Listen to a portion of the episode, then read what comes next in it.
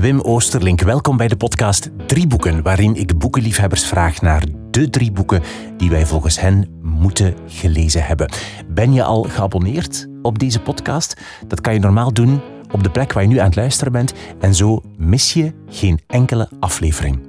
Dat is makkelijk voor u en voor mij. Jean-Paul van Bendegem is mijn gast in deze aflevering, geboren in 1953, wiskundige en wetenschapsfilosoof. Hij studeerde wiskunde en doctoreerde in de wijsbegeerte. Tot 2018 was hij professor aan de VUB. Sindsdien is hij op emeritaat op pensioen dus. Hij houdt lezingen en schreef boeken over een hele waaier aan onderwerpen. Titels van zijn boeken zijn Een vrolijke atheïst, Wijs, grijs en puber pleidooi voor de burgerlijk ongehoorzame senior, elke drie seconden, verdwaalde stad filosoferen langs straten en pleinen en recent het boek Geraas en Geruis, een pleidooi voor imperfectie.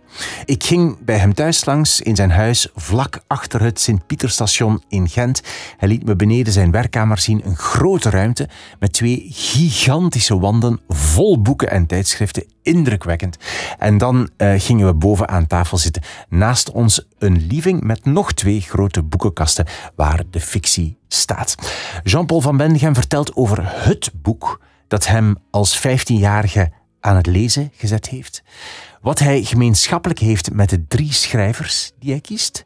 Hij praat over knobbels, wiskunde en seks. En hij doet een plechtige belofte. Hij belooft iets te doen dat hij nog nooit in zijn leven gedaan heeft. En het heeft met kaas te maken. Echt. Alle boeken, je hoort ze meteen wel, alle boeken en auteurs die je hoort in deze aflevering, goeie tease, vind ook.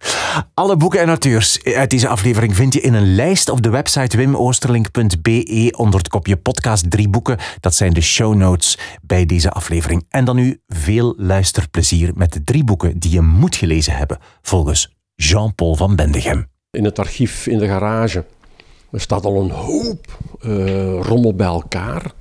Uh, rommel als in boeken? Nee, nee, nee. nee. Uh, voor, een, voor een heel belangrijk gedeelte tijdschriften. En ik heb er al heel wat discussie over gehad hoor. Oh, een goede vriend van mij, Albrecht, die zag dat archief staan, al die kartonnen dozen, netjes ge geïnventariseerd enzovoorts. Die keek ernaar. Die zei, Jean-Paul, allee jongen, allemaal inscannen, weggooien. ik zeg, Albrecht, nee. En ik weet ook wel, als ik ooit een artikel nodig heb uit een van de tijdschriften die hier in deze kartonnen dozen muur zitten, dan doe ik het elektronisch. Dat geef ik toe. Ja, ook al heb je het staan, je gaat toch gaan opzoeken. Dat is veel makkelijker, hè? Uiteraard veel makkelijker. Dus moeilijk om dingen weg te doen. Ja, ja. Mijn uitweg is geweest om dat uh, archiefrek tot uh, kunstwerk te promoveren. Zo is het gemakkelijk. Ik, ik, ik, beschouw het als een kunstwerk. Dat, uh... en is dat bij de boeken ook zo? Bij de boekenrekken ook zo? Of uh, hoe zit het daarbij? Uh, nee, nee, nee, nee. Dat is literatuur. de literatuurkast. daar is het idee dat een van ons twee moet het gelezen hebben. Dus er staan, wel op een paar na, staan er geen boeken tussen die, die alleen maar uh, ruimte innemen. Uh, ze, ze, zijn gelezen geweest. Mhm. Mijn uh, werkruimte, zoals het dan hoort natuurlijk, is ook een werkbibliotheek. Dus dat is heel vaak dingen die ik gekocht heb over... De, maar ja, we spreken toch over... ondertussen een, een, halve eeuw bijna. Nee, nee, ik overdrijf. 40... Wat, nee, wat zeg ik nu? 69, 15, 19... Een halve eeuw. Een halve eeuw, ja. De vertrokken gezicht ah, zijn tijd. Ik weet, dat, ik weet dat ik volgend jaar 70 word, maar goed. dus, uh, en er is al heel veel verdwenen hoor. In, in die zin dat bij, uh, het, uh, nu is het wel 25 jaar geleden de laatste verhuis, al iets meer ondertussen. Uh, bij een verhuis dat is altijd een perfecte aanleiding om te denken om weg te doen. Dit nu. Maar ook van mijn werkruimte naar het archief is ook zo'n oefening geweest. Wacht, hè, wacht. Dus, een aantal tijdschriften zijn verdwenen. Ik moet even, even, even uitleggen. Dus ja, ja. ik zit hier eigenlijk, we zitten hier in, in, in de living. Ja. ja. Ja? En hier staat dus de literatuur achter De literatuur. Ons, twee gigakasten. Wel, ik ga enorm van uh, vloer tot uh, plafond. Ja, dat is duidelijk. Dat, is, uh, dat, echt, dat, vind ik de mooiste vorm, om eerlijk te zijn. tegen het plafond geperst, zelfs Ja, de boeken. ja, ja, ja. Zo. En dan als ik hier naar beneden, is er een trap naar beneden. Ja. En van zodra dat je echt een paar treden, liggen er rechts en links al boeken, Ja. stapels. En dan staat er een enorme soort muur van, van, van stapels boeken. ja. En dan heb je rechts en links staat er helemaal vol. Gewoon Ook. heel, heel die grote ruimte Ja. staat vol met boekenrekken Ja. langs beide kanten. En dat Ja. is die werkbibliotheek. Ja. Ja. Ja. en daar zijn natuurlijk, eh, daar staan ongetwijfeld, eh, nee, daar staan boeken tussen waar ik ooit één paragraaf heb uit, eh, uitgebruikt. Ja. Maar dat je soms denkt, ja, oké, ah, in der tijd, zoveel jaren geleden, met uh, Weilen, Koen Raas, jammer genoeg, hè, dat Koen was ook een enorme boeken, wat, niet- niet zozeer boekenverzamelaar, want als je een boekenverzamelaar bent, dan heb je het verzamelmotief. Ja, dan, dan, dan is het eerder eh, waar je dan van doodgaat, is eh, een reeks in elf volumes en dan markeert één volume. Eh, dat zou nu voor ons niet echt de zaak geweest zijn. Mhm. Eh, tenzij uitgerekend in dat volume niet zou gestaan hebben, dat. Eh, maar als bij wijze van spreken volume 1 tot en met 6 bij mij zou gestaan hebben en 7 tot en met eh, 11 bij hem, Ja. dat was dik in orde. Eh, ja. Je dus werkte in- met hem samen, hè? Filosoof Raas. Ja. Ja, ja, ja, ja, ja, we waren zeer goede vrienden. Mhm. Ja, ja, ja, ja. nog samen eh, uitstappen gemaakt naar Londen eh, om naar foils en, eh, enzovoorts te gaan. Eén keer bij de douane niet betrapt geweest, maar eh, toch moeten de zaak goed uitleggen. Dat we naar Londen gingen en in mijn eh, koffer zat er een tweede koffer. Want dat was het idee om al die boeken dan terug mee te brengen. Maar wat doet die douanier? Die doet die koffer open en daar zit weer een koffer in. Die vindt dat verdacht, uiteraard. Uiteraard, dat was ongelooflijk verdacht. We are going to buy books. Ja, right. Ja, en dat was in orde. Als hij, als hij keek naar ons van, ja, dan- die gaan dat, die, die, die, die, die gaan dat nog doen ook. Eh, Maar ja. dus, dus eh, het, het, het ging erom dat, dat het een inhoudelijke bibliotheek is en Ja. geen verzamel... Enfin, Ja. Zoiets? Maar ja, Begrijp ik het goed? het, het komt erbij. eh, Het, het komt erbij. Het, het, het is geen eh, basismotief. Eh, het, is en, het is en blijft eh, werkmateriaal. Dus bijvoorbeeld, ik ben niet geïnteresseerd, zoals uh, Boudewijn Buug dat was, in eerste drukken enzovoort. Dat interesseert mij echt niet. om nu te zeggen, betaal nu zoveel geld om een eerste druk te hebben van... Nee. Nu ondertussen staan er al een paar dingen die meer dan een halve eeuw oud zijn. Hè? Dus sowieso zijn er al een paar ra- rariteiten bij. De- de- de- dus in die zin... Maar uit dat alles volgt nog niet dat je het dan per se in jouw persoonlijk bezit moet hebben. Hoezo? Bedoel, dat je dat bezit. Omdat eh, Koen en ik waren, zeker in onze jonge jaren, waren wij, eh, ja, eh, zeg maar, marxistisch georiënteerd. en zo'n schaamteloze vorm van bezit. Dat was problematisch, hè? En ik weet nog dat we één namiddag, ik denk een uur of twee, van kunnen wij nu argumenten vinden die kunnen verantwoorden waarom wij met zulke boekenverzamelingen zitten? En na twee uur was het antwoord nee, behalve het zuivere genot ervan.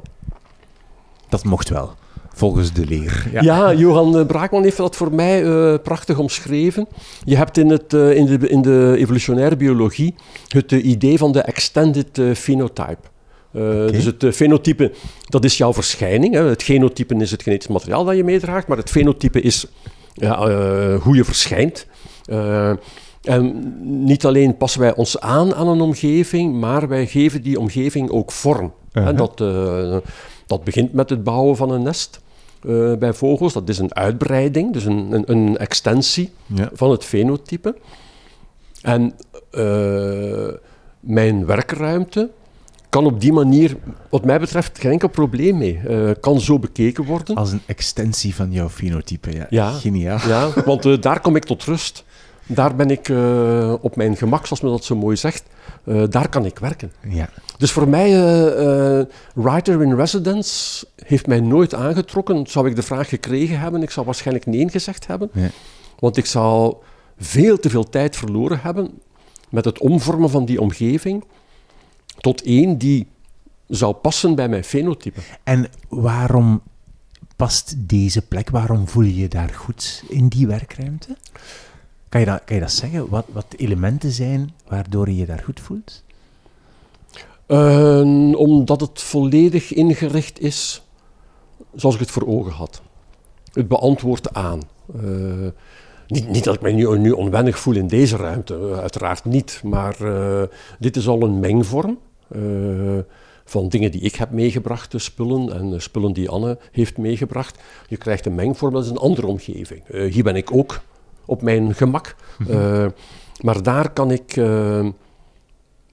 niet alleen tot rust komen, maar concentreren. Het heeft ook het heel banale effect, als ik mijn blik laat dwalen, dan in principe mogen er geen verrassingen zijn. Die zijn voor de buitenwereld. Is dat goed? Dat is dus voor mij is dat goed, want uh, dat kalmeert mij. Dus, uh, dan je mogen... weet wat je gaat zien als je je blik op... Eigenlijk wel. Dat, dat speelt daarin mee. Dus daarom ook, uh, onze poetsvrouw mag in principe daar niet komen. Maar. Dus gevolgd is ze wel vrij stoffig en het, het occasionele spinnenweb moet je erbij pakken, maar als die beestjes uh, graag willen lezen, waarom zou ik ze tegenhouden? Bedoel, hè? ja, kom aan. die moeten toch ook s'avonds voorlezen aan de kleine spinnetjes. Uh. het zal dan wel logica of filosofie zijn, maar bon, oké. Dan hebben we filosofische spin. Oh, Wat zou dat zijn? Alright. Laten we eens kijken naar uh, de drie boeken die je gekozen hebt. Mm -hmm. Wat is jouw eerste boek? Het eerste boek is uh, het verzameld werk van uh, Willem Elschot. En ik heb nog uh, jou de vraag voorgelegd hè, bij de voorbereiding of ik dat mocht doen om een verzameld werk te nemen. Omdat strikt genomen is het één boek. Het is ook één boek. het is licht beschadigd. dat komt omdat het een uitgave is. het zal niet zoveel. Ja, ja, ja. Het moet van het jaar zijn waarin het verschenen is, 1963. Oké. Eh, ik was tien jaar, maar mijn uh, oudere broer, ik heb twee oudere broers, één vijf jaar ouder, één zeven jaar ouder. Dus Victor moet dan vijftien geweest zijn. En hij heeft dit op school gekregen, een of andere prijs. Maar hij zelf lezen, dat was echt zijn ding niet. Dus dat boek dwaalde ergens rond in het huis. niemand die wist dat dat daar was. Ik kom uit een gezin dat, zoals ik het zelf omschrijf, niet cultureel. Ik bedoel, uh, het idee van uh, muziek of tentoonstellingen, niks van.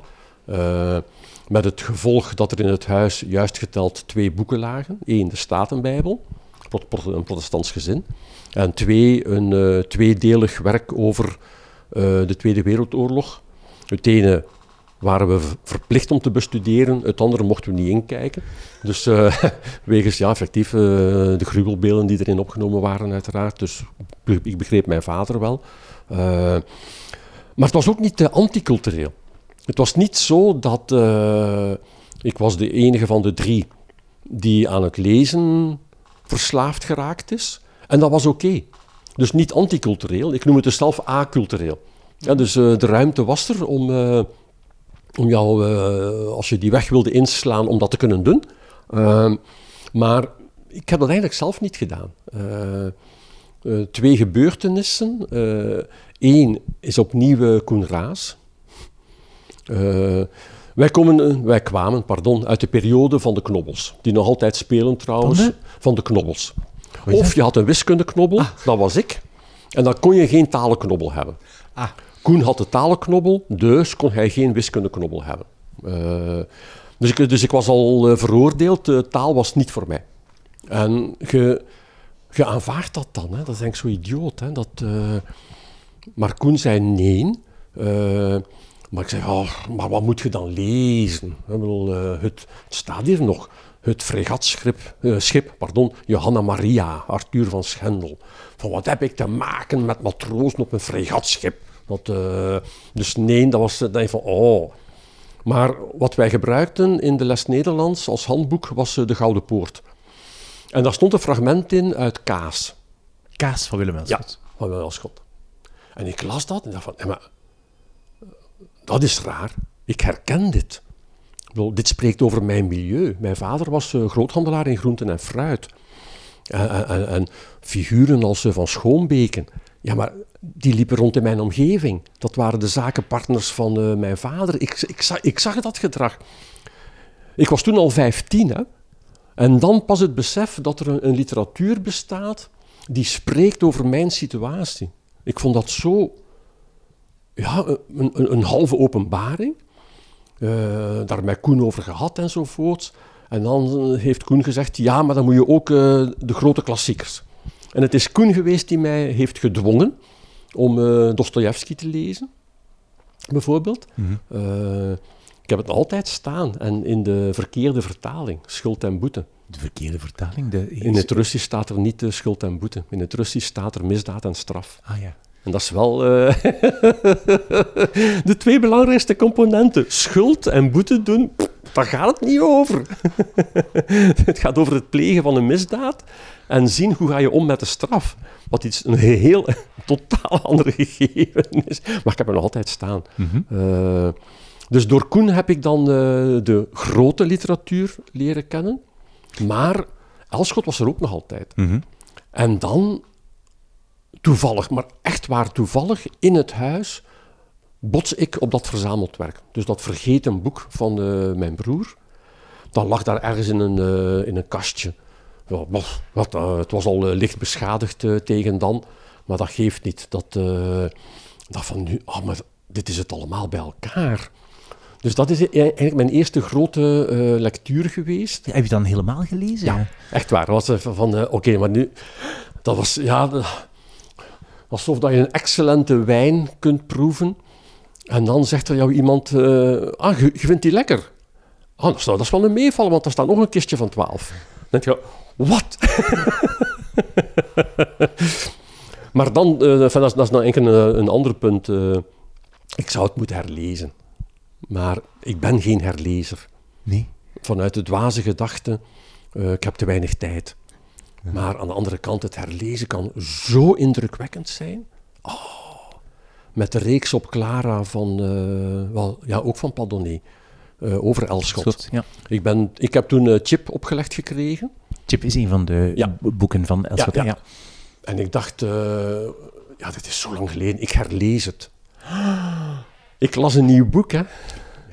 Want nu snapte ik een aantal verwij... Als ik het toen heb gelezen, zoveel jaar daarvoor, was het een verhaal.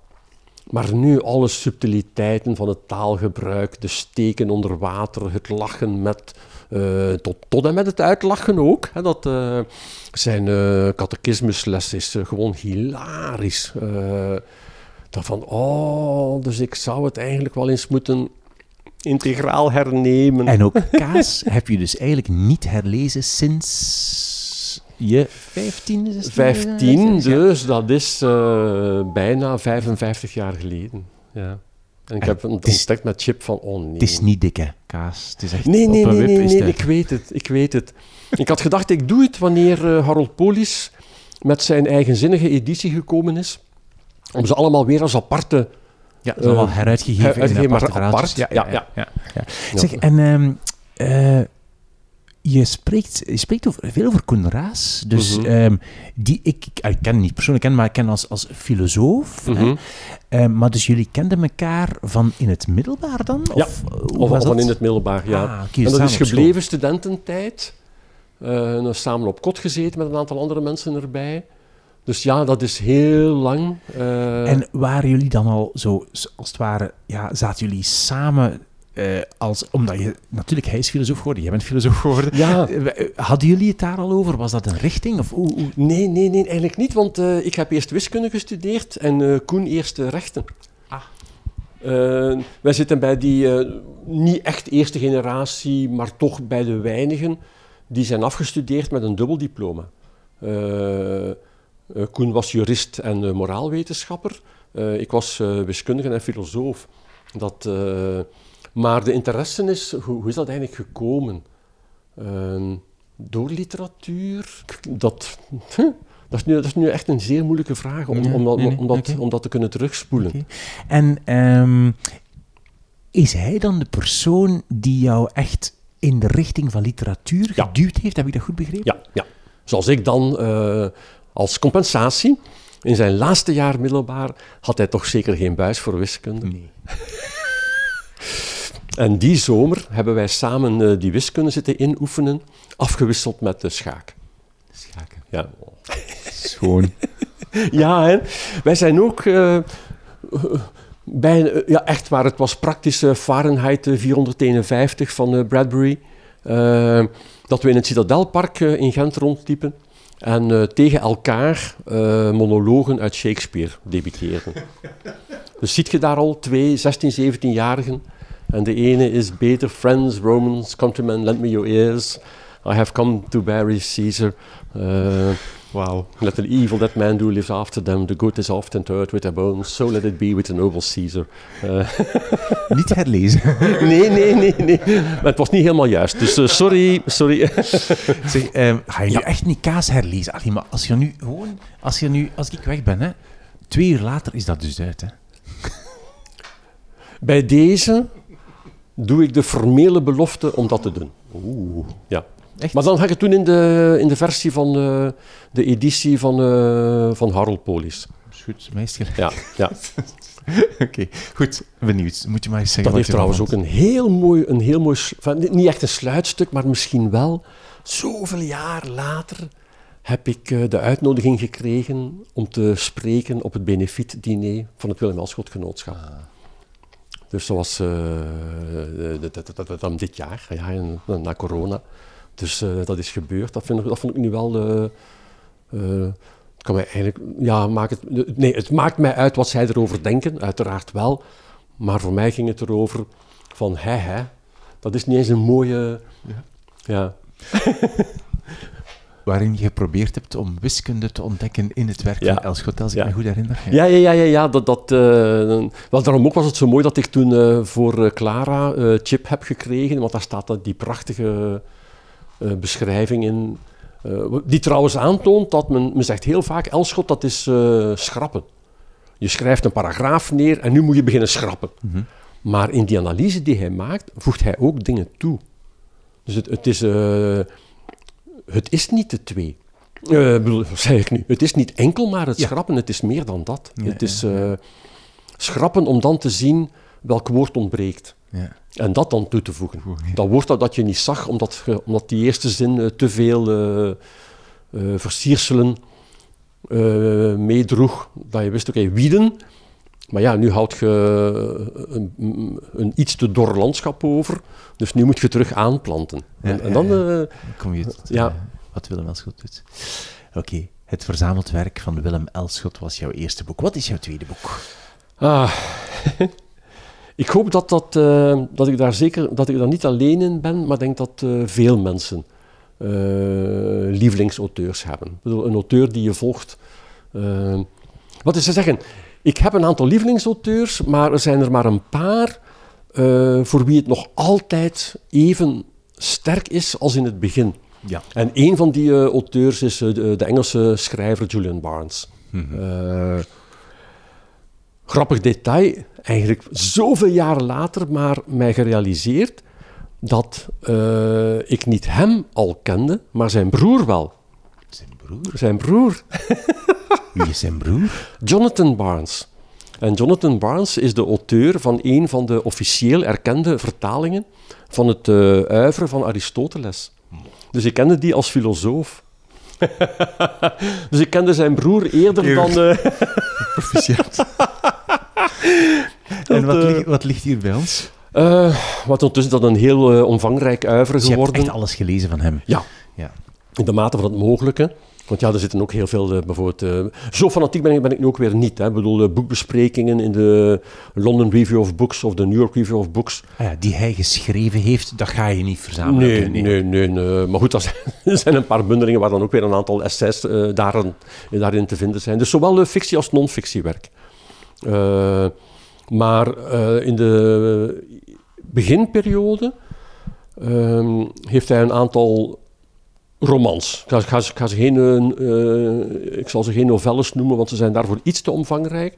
Maar het zijn ook geen dikke pillen. Het zijn uh, met een vrij uitgepuurde schrijfstijl, die mij, wat mij altijd enorm bevalt. en er zijn een aantal boeken geweest, Flaubert's Parrot, wat eigenlijk wel zijn, bij het bredere publiek zijn, zijn doorbraak geweest is. Heeft ook nog onder een schuilnaam, dus Rowling is niet origineel. Hij ook onder een schuilnaam, namelijk de naam van zijn uh, overleden echtgenote uh, Kavanagh. uh, detectives geschreven. Die zijn hilarisch. Echt waar. Dat zou moeten verfilmd worden. De Kavanaugh-thrillers van, uh, van Kavanaugh, maar het is wel degelijk Julian Barnes. Mm -hmm. Flaubert Sparrowt, uh, Metroland, um, Staring at the Sun. Oh. en dan Before She Met Me eigenlijk een vrij banaal gegeven. Maar dat is het heel vaak hoor. Uh, het recentste werk van uh, Julian Barnes, we zijn, we, we, zijn nu 2022. Het recentste is uh, Elizabeth Finch. Mm -hmm. En in feite, Before She Met Me is een gelijkaardige thematiek. Ja, dus dat is het boek dat bij ons ligt, even ja. voor duidelijkheid. Dus ja. Before She Met Me is eigenlijk jouw tweede boek. Ja. ja en dat gaat, waar gaat het over? Wel, eigenlijk een vrij eenvoudig gegeven. Je hebt een koppel, ze zijn gehuwd, alles in orde. Maar hij ontdekt dat een vriend van uh, zijn vrouw eigenlijk een oud lief is. Van uh, zijn vrouw. Van haar, ja. Van haar. Goed, ja, dat ligt in het verleden. Ik bedoel, ze zijn nu gehuwd. En hij is er nog als vriend. Maar, en echt, hij doet het zo briljant goed. Stapsgewijs begint hij niet zozeer de twijfel binnen te sluipen, maar het willen weten. Oké, maar als ik het dan weet wat er juist geweest is tussen hen, dan is dat klaar voor mij. Ik bedoel, uh, uh, dus uh, Boetius achterna kan kennis troosten, in dit geval zeer zeker. tenminste, dat denkt hij. Maar ja, naarmate hij meer te weten komt over die relatie die zij twee gehad hebben, begint zijn fantasie op hol te slaan in die zin dat hij zich probeert in te leven hoe intens die relatie moet geweest zijn. Waardoor er langzamerhand een projectie ontstaat naar vandaag. Met andere woorden, hij begint nu op hun beider gedrag, dat van zijn vrouw, dat van die vriend, te letten. En voordat je het weet, zit hij met de gedachte dat ze nog altijd iets hebben. En natuurlijk, als je met die gedachte zit, de ontkenning van de ander is een bevestiging. Uh, en het eindigt ermee dat hij die vriend doodt. Hij vermoordt die. Nu, het ongelooflijk voor mij is, en er zijn maar een paar boeken die uh, dat hebben bij mij teweeggebracht. Ik was in die zin helemaal mee. Mm-hmm. Had, was ik in de plaats geweest van het hoofdpersonage, kon ik echt niet uitsluiten dat ik ook zo zou gereageerd hebben. Met andere woorden, ik heb door deze roman ontdekt dat er effectief, gegeven de omstandigheden, dat er een, potentiële moordenaar in mij zit. En dat is wel, uh, ja, zoals de uitdrukking gaat, uh, daar ben je even niet goed van. Uh, van jouw melk af, van nog allemaal niet als uitdrukkingen. Een van de weinige keren trouwens dat normaal gezien veel lezer meerdere romans tegelijkertijd. Uh, is er een uit, meteen aan de volgende. Hier niet. Hier heb ik alles laten liggen in het idee... Wacht hoor, dit is... Uh, Hier moest je van bekomen. Ja, echt, ja, echt waar. Ja. Echt waar. ik heb dat gehad met Before She Met Me en met Mephisto van Klaus Mann. Ja. Omdat daar ook die vraag... het speelt zich af in de jaren net voor de Tweede Wereldoorlog. We zijn in Duitsland, gevierd toneelacteur, uh, valt goed bij het naziregime. Uh, krijgt daardoor heel veel, ja, letterlijk dan voor hem speelruimte. Waardoor hij in staat is om nog een aantal uh, Joodse gezinnen, daarna worden het individuen, toch nog te kunnen helpen om aan papieren te geraken, om buiten te geraken. Maar heeft helemaal niet door dat het net zich echt begint te sluiten rondom hem. tot het punt dat het te laat is. En daar was ik ook echt niet goed van, omdat ik zou... Ook daar had ik in, had, had ik in de plaats gestaan van het hoofdpersonage. Zou de kans groot geweest zijn dat ik hetzelfde scenario zou doorlopen hebben. Met andere woorden, toch geëindigd zijn in de, in, in de collaboratie.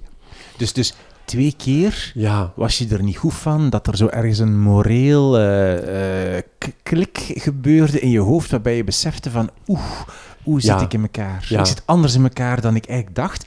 Literatuur heeft dat blootgelegd. Ja, ja, ja, ja, ja, dus in die zin uh, kan literatuur dat? Het antwoord is ja, hè. Uh, dat kan wel degelijk. Uh, is het omdat het zich dan in een ander kader situeert, maar dat heb ik bijvoorbeeld niet gehad met de figuur van Raskolnikov in Dostoevsky, Schuld en Boete, vandaag misdaad en straf, heb ik niet gehad. Maar dat misschien omdat de afstand te groot is en omdat het ook vrij snel op een abstract niveau wordt getild. je bent eerder, daar ben je met een ethisch probleem bezig. Hmm bij Klaus Mann en bij Julian Barnes met een ethische casus. Bedoel, je wordt echt meegezogen in die persoon zo. Ja, ja het uh, grote contrast tussen zeggen wij kunnen uh, deze ziekte met 80% kans op succes genezen, maar nu zit er iemand tegenover jou. Dat, dan weet je wel, er is die 80%, ik kan dat meedelen, maar daar gaat die mens niet echt mee geholpen zijn. Die wil weten, ja, maar mijn geval. Dus ja, dat, dat, dat, zijn maar een paar boeken die dat hebben uh, teweeggebracht. En dat, en dat is een ontdekking die je dan doet. Hè, dat, ik, ik, kom uit mijn, mijn, studentenjaren, dat was het opkomende feminisme. en ja, uiteraard had je hier en daar wel excessen die zich aandienden, provocerende uitspraken. Wat zal dat vandaag geven allemaal? Hè? Maar als je te horen kreeg, alle mannen zijn potentiële verkrachters, dan denk je, ja, maar ja, na Julian Barnes denk je, hmm, ja. ja, eigenlijk. En, en hoe hoe doet hij dat dan? Allee, hè, dus, dus hoe komt het dat hij dat kan? En dat, dan, dat dat zo zeldzaam is, want jij leest duidelijk zeer veel. Mhm. Hoe komt het? Dat, wat doet hij waardoor dat hij dat kan? Wel, vreemd genoeg door eigenlijk niets uitzonderlijks te doen. Ja. Het is alsof dat je in het, uh, niet alsof, in het dagelijkse doen en laten, uh, thee maken, uh, het eten, uh, de, de, de, tafel dekken, doorheen dat soort volkomen aangestekens banale gebeurtenissen, wordt die spanning heel langzaam opgebouwd. En dus er is geen, er is geen pagina op zich die angstaanjagend zou zijn of confronterend zou zijn. Maar leg ze allemaal na elkaar dan krijg je... Ja, het is alsof dat je zegt, uh, ik loop op een rechte weg, maar om de, uh, om de 20 meter is er een knik van 1 graad. Dat ga je niet merken. Maar na 90 zulke knikken sta je in een rechte hoek. Hè. Dat, uh, en dan denk je, hoe kan dat nu? De zon stond, bij, als ik vertrokken ben, stond de zon daar en nu staat die wat is, wat is hier gebeurd? Het was toch een rechte baan? En dat, mooi, mooi. Het is, dus in die zin ik ga, nu niet, eh, nee, kan, ik mij niet laten verleiden nu om, om, om, grote vergelijkingen te willen maken met uh, Hannah Arendt en de banaliteit van het kwaad en zo. Het is, uh, het is veel meer in de krant lezen, op het nieuws horen, gezinsdrama. Omdat je denkt, ik ga niet oordelen. Ik ga niet oordelen. Dat is voor de psychologen, de psychiaters, de juristen. Zij moeten dit uitzoeken. Wie weet wat is de complexiteit van het verhaal hier. Dus ik, oordeel niet. Ik uh, schort sowieso altijd mijn oordeel op. Dat, uh, het voordeel is als, als mensen dan daarover beginnen, van, oh, van, en wat is uw bewijsmateriaal, als ik mag vragen. Een krantenbericht. Uh, denk je niet dat, dat dat ook u kan overkomen? oh nee, nee, nee, nee, nee, zo ben ik helemaal... Laat de omstandigheden iets anders zijn. Je moet maar een idee fix ontwikkelen Ehm, zeg, ehm, ik wil even naar jouw eigen boeken. Ehm, mhm. je, je, hebt heel veel, al, je schrijft uiteraard heel de tijd, je schrijft zelf heel veel. Uh, als je zo Julian Barnes leest, als God herleest straks, ja. laat je in je eigen schrijven, wat natuurlijk een totaal andere discipline is, omdat je ja, geen, geen roman schrijft, ja. voorlopig. Ja. laat je daardoor ergens inspireren of ergens neem je dat ergens mee? Neem je ergens een stijl, een, gevoel mee of in je eigen schrijven of niet? Zeker niet bewust. Mhm. Zeker niet dat uh, wanneer ik zelf aan het schrijven ben, dat ik zou denken, hoe zou Julian Barnes dit nu aanpakken? Dat zeker niet. Maar uh, één aspect waar het zeker speelt, is uh, beeldspraak. Ik lees een metafoor die Barnes gebruikt Ik denk van, oh, dat, dat, dat is een subliem mooie metafoor. Want daar kan je nog een heel eind op doorgaan. Hij gebruikt het nu enkel en alleen maar om dat te illustreren. Ah. Maar dat is zo'n rijke metafoor, daar moet je meer kunnen mee doen. Dan, ja, nu, nu iets meer dan vroeger durf ik er al eens een notitie van maken. Van, je weet nooit. Eh, vroeger niet. Eh, en dan kon het zijn dat ik bij het schrijven dacht, oh, hier nu een beeld hebben, dat zou nu wel mooi zijn om het... Uh, wat is even? maar natuurlijk. Ah, ja, ja. Uh, dus op dat niveau wel. Ja. Uh, stilistisch. Ik heb nu met de jaren een stijl ontwikkeld. ik was die wiskundeknobbel. Ik, ik heb nog altijd een verlegenheid tegenover taal. dus het fameuze, hoe heet het ook alweer, dat imposter syndroom. Niet met wiskunde, maar met taal nog altijd. dat ik voor een belangrijk gedeelte wat ik neerschrijf, is wat de stem in mijn hoofd mij zegt. Hmm. En dus mensen zeggen mij vaak dat mijn stijl parlando is.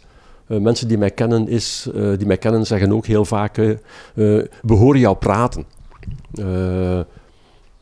Als, als, ik het dan zelf herlees, denk ik, nee, soms zit, zit, het zo barokkerig in elkaar. Zo praat ik niet, denk ik toch? Twijfel, sla toe. Hmm. Zo dan, hè? Ik ga me eenvoudiger uitdrukken. uh, dus dat is nu min of meer mijn stijl geworden. Ja. En daar ben ik tevreden mee. Ja. Dat, uh, maar ja, atmosferen, dat ook. Uh, maar ik heb gemerkt, ik heb nu nog eens de poging gedaan om iets dat tussen fictie en non-fictie zit, om te zien, kan ik het? En uh, dan merk ik dat ik uh, onvoldoende geschoold ben. Hoezo? Leg je uit. Wat was het dan? In mijn recentste boek, Graas en Geruis, een pleidooi voor imperfectie, hoofdstuk 5 is een rondleiding in de bibliotheek van Babel. Mm -hmm. Wel, voor een belangrijk gedeelte gaat Geraas en Geruis over de onmogelijkheid om een perfecte beschrijving te geven van iets, om een perfecte verzameling, en dan zijn we er. Is ook geen perfecte boekenverzameling. Maar dan dacht ik, ja, uiteraard zal iedereen tegen mij zeggen, uh, ja, maar ja, de bibliotheek van Babel komt toch wel uh, aardig in de buurt.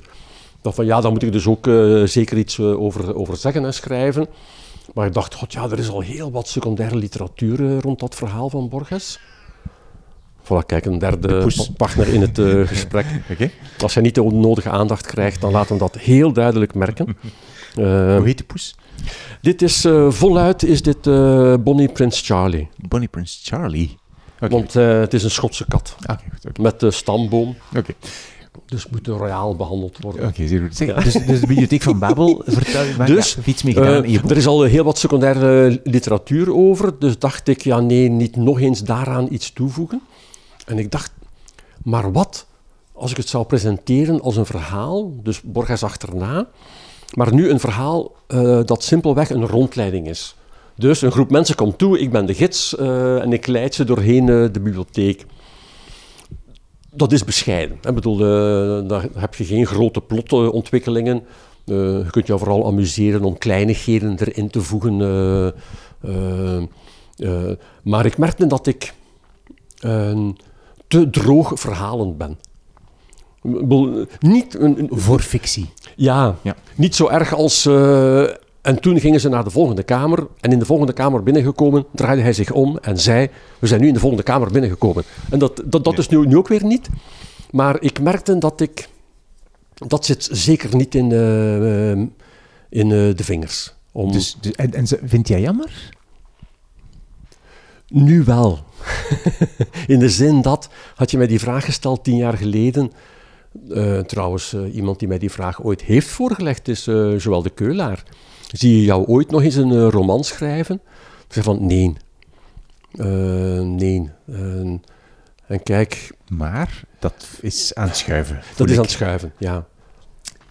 Ik wil even iets vragen over je wetenschappelijk werk. Eventjes. Oké.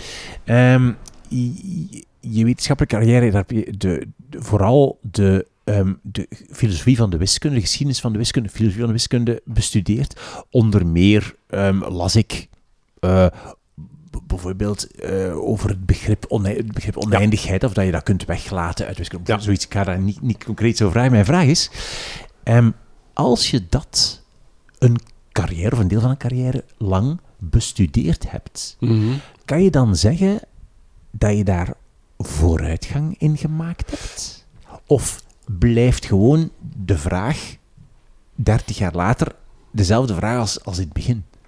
Ah, ik denk dat de twee eh, compatibel zijn.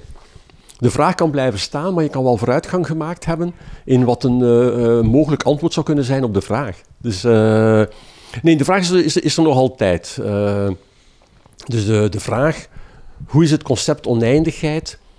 En daarna ben ik het ook beginnen opentrekken, maar in eerste instantie binnen de wiskunde.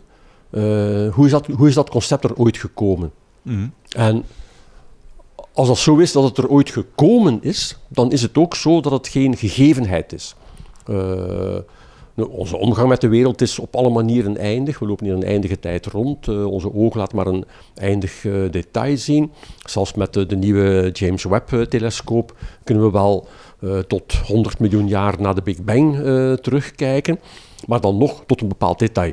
Eh, dus nee, het verschijnt compleet eindig. En dan zegt men mij, ja maar als we die wereld willen beschrijven, hebben we de wiskunde nodig. Oké, ik ga mee. En ook die oneindigheden die daarin zitten. Dat is raar. Je hebt iets volkomen eindigs. En nu zeg je mij, als ik het wil beschrijven, heb ik oneindigheid nodig. Dus de simpele vraag, wat zou het dan geven als ik zou zeggen, als dit hier allemaal eindig is wat ik eh, gevraagd word om te beschrijven, waarom zou het dan niet moeten kunnen met een wiskunde die die oneindigheden niet nodig heeft? En dat is in feite, eh, dat, is, dat is mijn doctoraat geweest. Eh, ik ben daar blijven op voortwerken. En ik heb dat mogen meemaken, dat prachtige moment waar waarschijnlijk elke wetenschapper van droomt, en filosoof ook. Enfin, ja, iedereen die, die, die met kennisproductie bezig is. Eh, een moment dat je denkt, hoe moet ik hier nu verder? Ik zie niet wat de volgende stap kan zijn. Eh, en dan een lezing bijwonen van iemand, ik weet altijd, ik weet altijd goed wie het is, eh, Graham Priest, eh, die een idee komt uiteenzetten dat niks met die oneindigheid te maken had, maar waarvan ik dacht, ja maar, dat is wat ik nodig heb. En ik heb het dan zitten vertalen naar, hoe kan ik dit, dit idee nu aanpassen aan wat ik wil doen? En er ging eh, een speeltuin open. En dus was ik weer vertrokken voor een aantal jaren om dat allemaal te exploreren. En daar ben ik, daar ben ik dus in die zin, daar ben ik nog altijd mee bezig, want daar is nog het laatste woord lang niet over gezegd.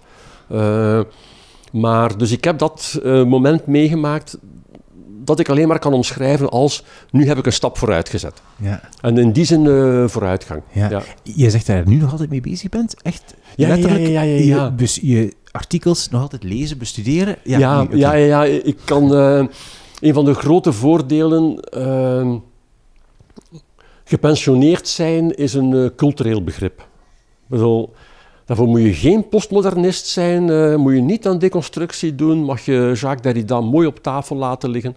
Eh, het is simpelweg het idee, kijk naar andere landen rondom ons en die hebben andere pensioenstelsels. En dus als jij internationaal communiceert met mensen, eh, dan krijg je nooit de vraag, zeg maar wacht eens even, ben je al gepensioneerd? Want anders gaat dat niet hoor. Punt is, heb je nog iets te zeggen? Eh, dus ik doe nog altijd ook eh, referiewerk voor eh, academische tijdschriften. Ook een mooie manier om bij te blijven. En meestal nu wel op vraag. Ik heb nu meer de neiging om het voor mijzelf verder uit te werken, maar niet meer per se het, het te willen publiceren op de klassieke manier. Dat, wat dat een beetje dom is, want waarom zou, zou ik het niet doen als, als het dan toch is? Enfin, dus in die zin, eh, ja, ja, dat loopt nog altijd. Dat, eh, Moeilijk om te stoppen natuurlijk, als je daar zo lang... En zo intens en, ja, zo diep in gezeten en ik heb het ook nodig. Ja? Hoezo? Ja. Waarom zeg je dat? Eh, het is niet het belachelijke idee, of een belachelijk idee mag, mag ik niet zeggen. Het is niet wat men vaak zegt, om als je ouder wordt en je wilt fris blijven in het hoofd, dan moet je intellectueel bezig blijven.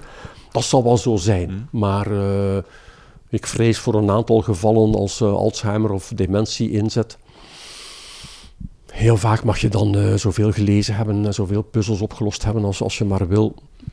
Maar oké, okay, er kan een correlatie zijn, maar, maar, maar, het gaat mij daar niet over. Het is de fameuze uitspraak van Einstein. Men heeft ooit eens aan Einstein gevraagd, en dit is geattesteerd, het komt van hem. Ah, en uh, Einstein gevraagd van, maar professor, hoe kunt jij nu dag in dag uit met die formules bezig zijn? Altijd maar dat rekenen enzovoort, dag in dag uit. Hoe kan, dan, hoe kan een mens dat opbrengen? Waarop hij zei, uh, opbrengen? Uh, ik doe dat omdat ik er zoveel lol aan beleef.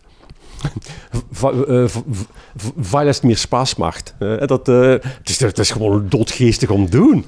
En, en dat is het ook nog altijd. Ja. Het is gewoon een artikel lezen van een collega-filosoof en dat je denkt, hoe gaat hij dat nu verdedigen? En dan, en dan een argument, dat je van, oh... En dan heb je de neiging om te zeggen, uh, fuck it. Oh, fuck it. Dat is een schitterend argument. Nooit aan gedacht, verdorie. Maar natuurlijk, als je dat combineert met dat, dan kom je daarop uit en dan kun je dat... Maar ja, schitterend. Dat, uh, dat genot. Ja. Mooi.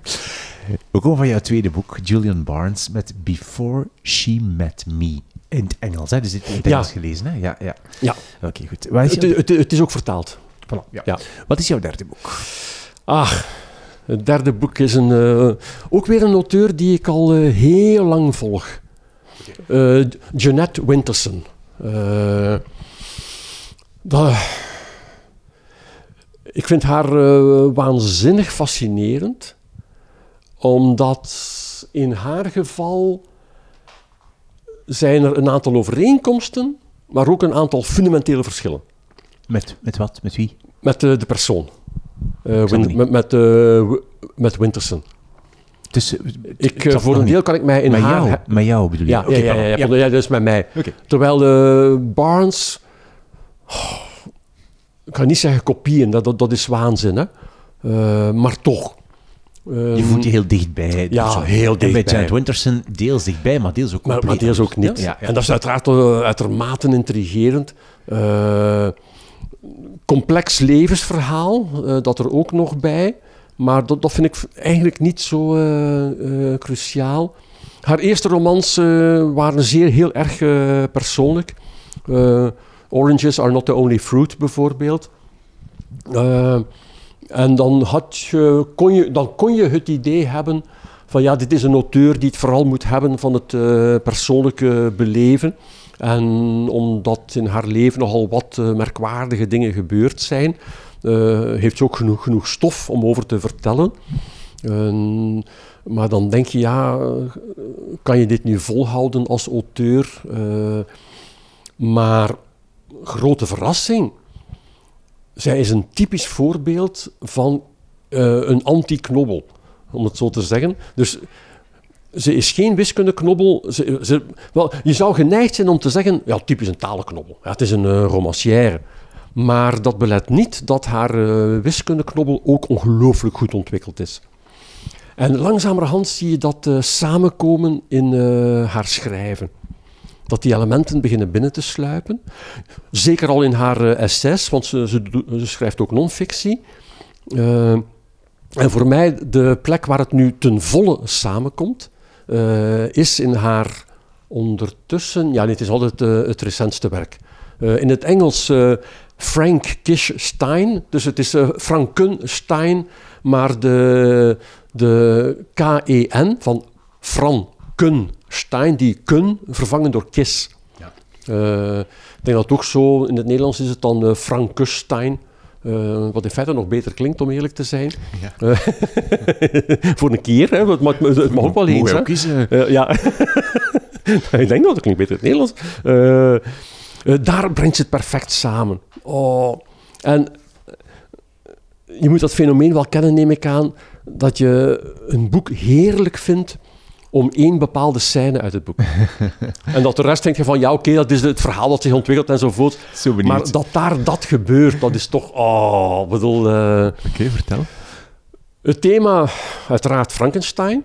Dus ben je geneigd om te denken, oké, dat gaat iets worden uh, rond uh, Mary Shelley, Jeanette Winterson, enorm betrokken op uh, genderthema's. niet alleen omdat ze zelf lesbienne is en dus al vrij vroeg met die thematiek bezig is, maar ook evenzeer vanuit een historisch oogpunt. Dus mijn idee was, ja, wat ik mag verwachten is waarschijnlijk uh, een evocatie van uh, Mary Shelley, auteur van Frankenstein, in een allesbehalve evidente omgeving voor uh, een jonge vrouw om literair bezig te zijn. Lord Byron, Percy Shelley, we zien het wel, ik zie het wel. Eén, dat zit erin, dat is juist, dat doet ze. En die evocatie van die periode is fantastisch, dat kan ze ongelooflijk goed. Maar het is gekoppeld aan een probleem vandaag. Uh, iemand die claimt dat hij een hoofd kan invriezen en dat hoofd met artificial intelligence, heel de meteut, terug tot leven brengen. Dus met andere woorden, dezelfde thematiek van Frankenstein. Een deel van een lichaam en dat deel terug tot, tot, tot leven wekken. Mm -hmm. dat mislukte grandioos, zoals je kan verwachten natuurlijk. Um, maar je krijgt dus dat door elkaar lopen van het oorspronkelijke Mary Shelley-verhaal, uh, ook de roman van Mary Shelley, Frankenstein, uh, het hedendaagse probleem. Een rode draad in al haar uh, werk is dat seksualiteit en seks een enorm belangrijke rol speelt. dus dat is, wil, soms lijkt het een beschouwend essay te zijn, en dan wordt er geneukt dat de, dat de dakpannen eraf vliegen. Dat gaat dus zo bij haar. Dat is geen enkel probleem. En, en dat stoort niet in het verhaal. Hè. Dat, is, dat vind ik zo uitzonderlijk aan haar. En dan doet ze iets en dan denk ik van... Oh. En iemand anders heeft het dan ook gedaan. Ik vermoed totaal los van haar. Uh, Mary Shelley leefde in dezelfde tijd als uh, Ada Lovelace. Ada Lovelace is de dochter van uh, Lord Byron. Ze hadden elkaar kunnen ontmoet hebben. Dan zei je, oké, bon ja, dus uh, zij, de, de, echtgenote van Percy Shelley, Ada, de dochter van Lord Byron, Shelley Byron, vrienden, etc.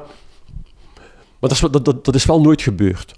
Je kunt zeggen, ja oké, maar was die Ada Lovelace dan wel zo belangrijk? Ah, omdat voor haar cruciaal is dat, in tegenstelling tot de machinerie die uh, Shelley gebruikt, waar het hoofdmotief wat toen baanbrekend was in haar tijd, namelijk uh, elektriciteit, dat was het wondermiddel. Ja, vandaag moeten dat computers zijn. Ada Lovelace heeft samengewerkt met Charles Babbage. Charles Babbage is de ontwerper geweest van de eerste computer. Uh, heeft er een aantal op uh, proberen te maken, want technologie was niet altijd op het vereiste niveau beschikbaar. En de tweede, de Analytical Engine, die Babbage heeft ontworpen, die was in principe programmeerbaar. Maar dan moesten er wel programma's geschreven worden. En Ada Lovelace heeft die taak op zich genomen. Dus hij was briljant daarin. Dus ja, bij haar was het nog, nog erger. Hè? Ik bedoel, uh, Shelley, uh, Mary Shelley was een romancière. Oké, ja, een vrouw van welstand in het uh, eh, 19e-eeuwse Victoriaanse Engeland. Dat ze zich aan de schone letteren waagt. -hmm. Maar dat er iemand die wiskundig op hetzelfde niveau staat en zelfs beter was op bepaalde punten dan een Babbage, die vooral een technologisch wonder was, dat, is, dat is indrukwekkend. Er is een computertaal nu vandaag genoemd naar Ada Lovelace, die heet Ada. Uh, wat zou dat nu gegeven hebben, hadden die twee elkaar ooit kunnen ontmoeten? En het had gekund. In Frankenstein gebeurt dat. Ah ja, dus zij doet het gebeuren. Zij doet het gebeuren. En zo geloofwaardig. Echt waar. En van, oh ja, dus dat is de dialoog die we voor altijd zullen uh, moeten missen. Maar als uh, lookalike is het toch wel uh, indrukwekkend. En wie het ook heeft gedaan is uh, Ian McEwan. In zijn uh, boeken Machines Like Me en, en, de volledige titel And People Like You. daarin laat hij Alan Turing verder leven, voortleven. Die helaas in, in 1954... Oh, kijk eens, ik, ik, was, ik was één jaar als Alan Turing uit het leven is gestapt. Dat is gek, hè? Dat, uh, en die doet het ook, die laat de Turing daar nog in rondlopen. Dus kan hij Turing commentaar laten geven op alle ontwikkelingen die hij zelf niet meer heeft meegemaakt. Maar, dit, maar het is zo geloofwaardig gedaan, die Shelley-Lovelace-ontmoeting. Dat op zich maakt het al... Waarom zei je dat Janet Winterson ehm, ergens gelijkaardig is, dat je je verwant voelt, maar ook totaal niet? Wat, wat, wat bedoel je daarmee? Uiteraard, de eh, verwantschappen eh, zitten op het niveau van het eh, combineren van al die dingen. Dat, heel vaak bij lezingen heb ik gezegd, over gelijk wat on- onderwerp, ik zeg, kijk, normaal gezien in alle lezingen die ik geef, moet op een bepaald moment, of meerdere, moet wiskunde ter sprake komen, moet religie ter sprake komen en moet seks ter sprake komen. Als, als een van, van die drie ontbreekt, dan is er iets mis. Eh, en moet wij daarop attenderen. Professor, u bent de seks vergeten. Ah, juist, ja, dank u wel. Eh, Ehm, en de verbanden zijn rap gelegd, hoor, zijn heel snel gelegd. Eh, dus dat is ook, zoals als gezegd, hè, bedoel, ze had Frankenstein tot een intellectueel betoog eh, geromantiseerd, hè, tot, tot, nee, eh, tot roman omgewerkt, moet ik zo zeggen. Eh, dat had ze perfect kunnen, kunnen gedaan hebben.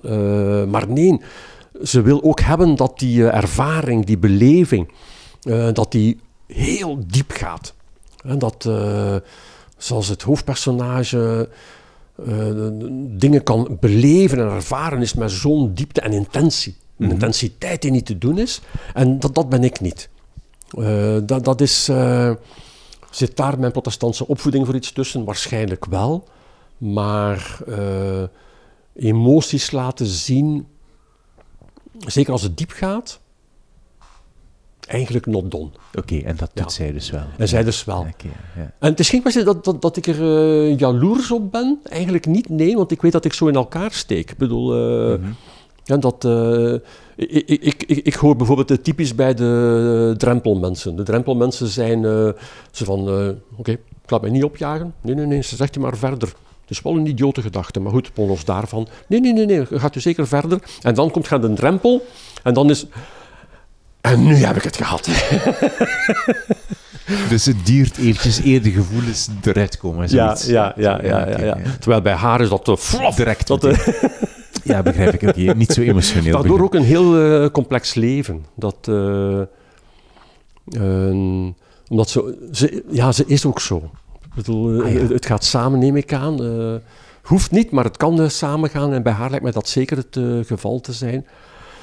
Maar voor mij is ze een van de personen die die mengeling zo goed weet te maken. van dat beschouwende tot het doorleefde. Eh, zowel het intellectuele als het lichamelijke en het lijfelijke. Het komt allemaal samen. Ja. En dat is eigenlijk ook wel waar ik, eh, ja, wat, wat- ik ook zoek. ding, ja, absoluut jouw ding. Hè? Ja. Behalve dat, het, eh, dat er altijd een minimumafstand is. Ja. Zeg, ja. wat, wat je, wat je zegt, wat je aan het zeggen bent, ja, jouw interesse, wat je hebt net al gezegd, jouw interesse is zo breed. Echt. Dat is echt abnormaal. Je hebt eh, geschreven en ges- ge- ge- gesproken over goh, ja, we gaan eh, Sherlock Holmes, Hamlet en entropie. Ja. Ehm, eh, wiskunde, pornografie, over, ehm, eh, over Wittgenstein, over... allee, echt alle mogelijke richtingen gaat het uit. Ja. Hoe gaat dat in jouw hoofd? Is dat, is dat dus die, want dat zijn natuurlijk zo een soort, neem ik aan, een soort uitwaaierende gedachten. Is dat, is dat lastig of is dat net heel gestructureerd? heel eerlijk zijn. Het is vrij gestructureerd. Dat eh, in geraas en geruis, eh, in het eh, eerste besluit. Ja, dat is een van de grappen van het boek. er zijn twee inleidingen en twee besluiten. Het voetnotenapparaat is een apart hoofdstuk, volwaardig hoofdstuk geworden, dat voor de besluiten staat. Oké, mijn uitgever, eeuwig dankbaar. Els, dank u wel Els, eh, om in deze waanzin mee, te gaan. Ja. en het verkoopt niet slecht. Dus al, al richting 600, wat toch voor, hè, voor zo'n taai ding. eh, oh, dat, eh. Maar goed, daar, heb ik, daar heb ik voor mezelf... De, wel, ik, ik, ik ben er even blijven bij stilstaan. Van, als je er niet allemaal ziet samen liggen, wat is dit? Eh, En ik heb mijzelf daarin omschreven als een uh, tangramschrijver. Dat is mooi. Het uh, Japanse spel, uh, of is het Chinees? Nee, het is Japans. Uh, tangram. Het is simpelweg, het heeft de vorm van een vierkant en het bestaat uit zeven bouwstukken. een driehoek ter grootte van het halve vierkant. Twee kleinere driehoeken, een parallelogram, een vierkant en een, en een nog kleiner driehoekje. Je hebt zeven stukjes. En je kunt niet geloven, typisch wat je, wat je kunt verwachten vanuit uh, zo'n cultuur, wat, mij betreft. Het aantal manieren waarop je, dat je die zeven stukjes kunt herschikken, om daar van alles mee te maken, gaande van uh, menselijke figuren, maar ook, je kan er zowel een driehoek mee maken waarin een vierkant ontbreekt, als een vierkant waarin een driehoek ontbreekt. Allee! Mm. En, en soms denk ik dan, ik heb een aantal thema's. Uh, en wat ik voornamelijk doe, is uh, continu herschikken. En elk boek is een, mogelijke, is een mogelijk tangram. Maar natuurlijk, het tangram hebben dan wel, het, uh, zoals ik zei, kan er zijn dat hier is het een vierkant met een driehoek uit. Daar stelt het een hond voor. daar stelt het een ketting voor. Dat je denkt van, oh, wat, wat, is nu het... Uh, wel, de ingrediënten zijn dezelfde. Ja. Uh, het gaat mij... Ik heb die fascinatie om, en dat heeft te maken met mijn persoonlijk levensverhaal, om die kloof tussen uh, geest, well, het mentale leven en het lichamelijke leven, om dat continu te willen overbruggen, tot een eenheid te kunnen zien. Wat bedoel je met je persoonlijke levensverhaal? Wel, die protestantse opvoeding maakt jou in de zwakke vorm A-lichamelijk, in de sterke vorm anti-lichamelijk. Ik heb mijzelf ooit, uh, dat was nog met Laurens de Keizer. Uh, ja, Laurens de Keizer, de journalist, helaas ook al overleden nu. Die, uh, op het moment had hij een idee voor een boek, Mannen boven 50. Ik was toen boven 50. En dus had mij gevraagd, mag, mag ik jou interviewen voor dat boek? Ik zei, oh, Laurens, Laurens geen probleem. Uh, we hebben dat gesprek gehad en tijdens het gesprek dacht ik: Oh nee, doe maar. Waarom zeg ik dit nu? Want hij gaat dat zeker gebruiken als titel. En hij zei het mij van, ja Jean-Paul, wat je daar nu hebt gezegd, uh, dat wordt de titel. En dat, begrijp je nu ook wel, daar kunnen we niks tegen inbrengen. Ik zeg, Laurens, je hebt volkomen gelijk. Ik zeg, alleen, ik snap niet hoe, hoe is dat uit mijn mond gekomen. De vraag was hoe ik mezelf zou omschrijven.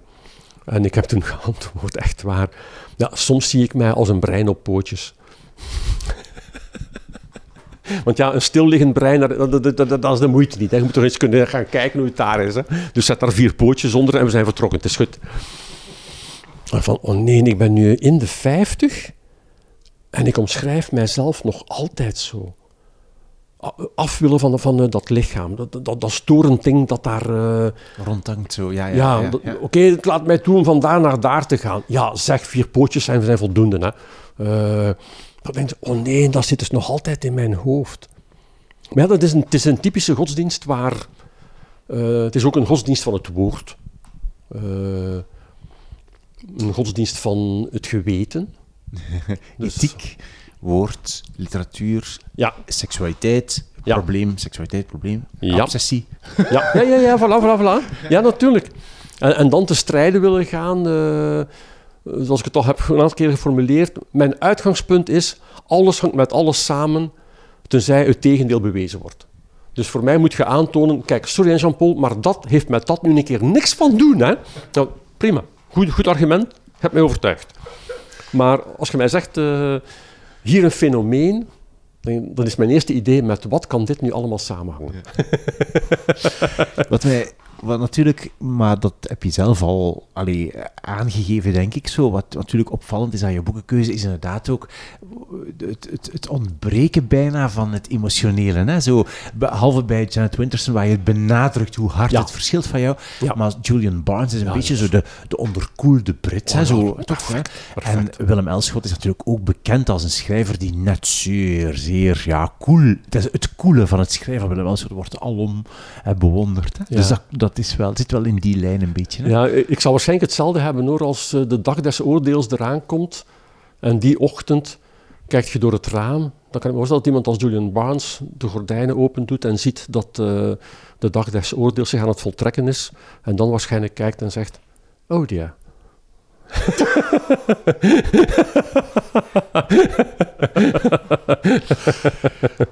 Wil jij jouw drie boeken nog eens herhalen voor mij, alsjeblieft? Wat was jouw eerste boek? Het eerste boek uh, was Willem Elschot, het uh, verzameld werk Ja. in één enkele bundeling. Twee. Twee, Julian Barnes, Before She Met Me. En drie. En drie, Jeanette Winterson, Frankenstein. Mag ik nog eens in jouw ehm, werkruimte gaan kijken? Please. Ja, uiteraard. Dankjewel. Oké, ook bedankt. Dit was mijn gesprek met Jean-Paul van Bendegem. Heeft hij Kaas nu echt opnieuw gelezen na ons gesprek? Ik weet het niet, hij heeft mij nog niks laten weten, maar hè, het kan nog komen. Alle auteurs en boeken die we noemen in deze aflevering vind je zoals steeds op de website wimoosterlink.be. Daar heb je een kopje podcast drie boeken. Daaronder staan eigenlijk alle afleveringen van deze podcast. En in het, eh, in het documentje van Jean-Paul van Bendegem vind je ook een foto van zijn, een van zijn indrukwekkende boekenkasten. Volg drie boeken ook op Instagram. Drie underscore boeken voor meer boekenfoto's. Abonneer je op deze podcast. Geef een recensie in de app waar je aan het luisteren bent, als dat kan, want dat helpt om de podcast te verspreiden. En laat vandaag of morgen, alsjeblieft, aan twee vriendinnen of vrienden weten dat ze ook eens naar deze aflevering of naar deze podcast moeten luisteren. Met twee doe je mij een heel groot plezier. Ik ben Wim Oosterlink. Dit is de podcast Drie Boeken. Dankjewel voor het luisteren en tot de volgende keer.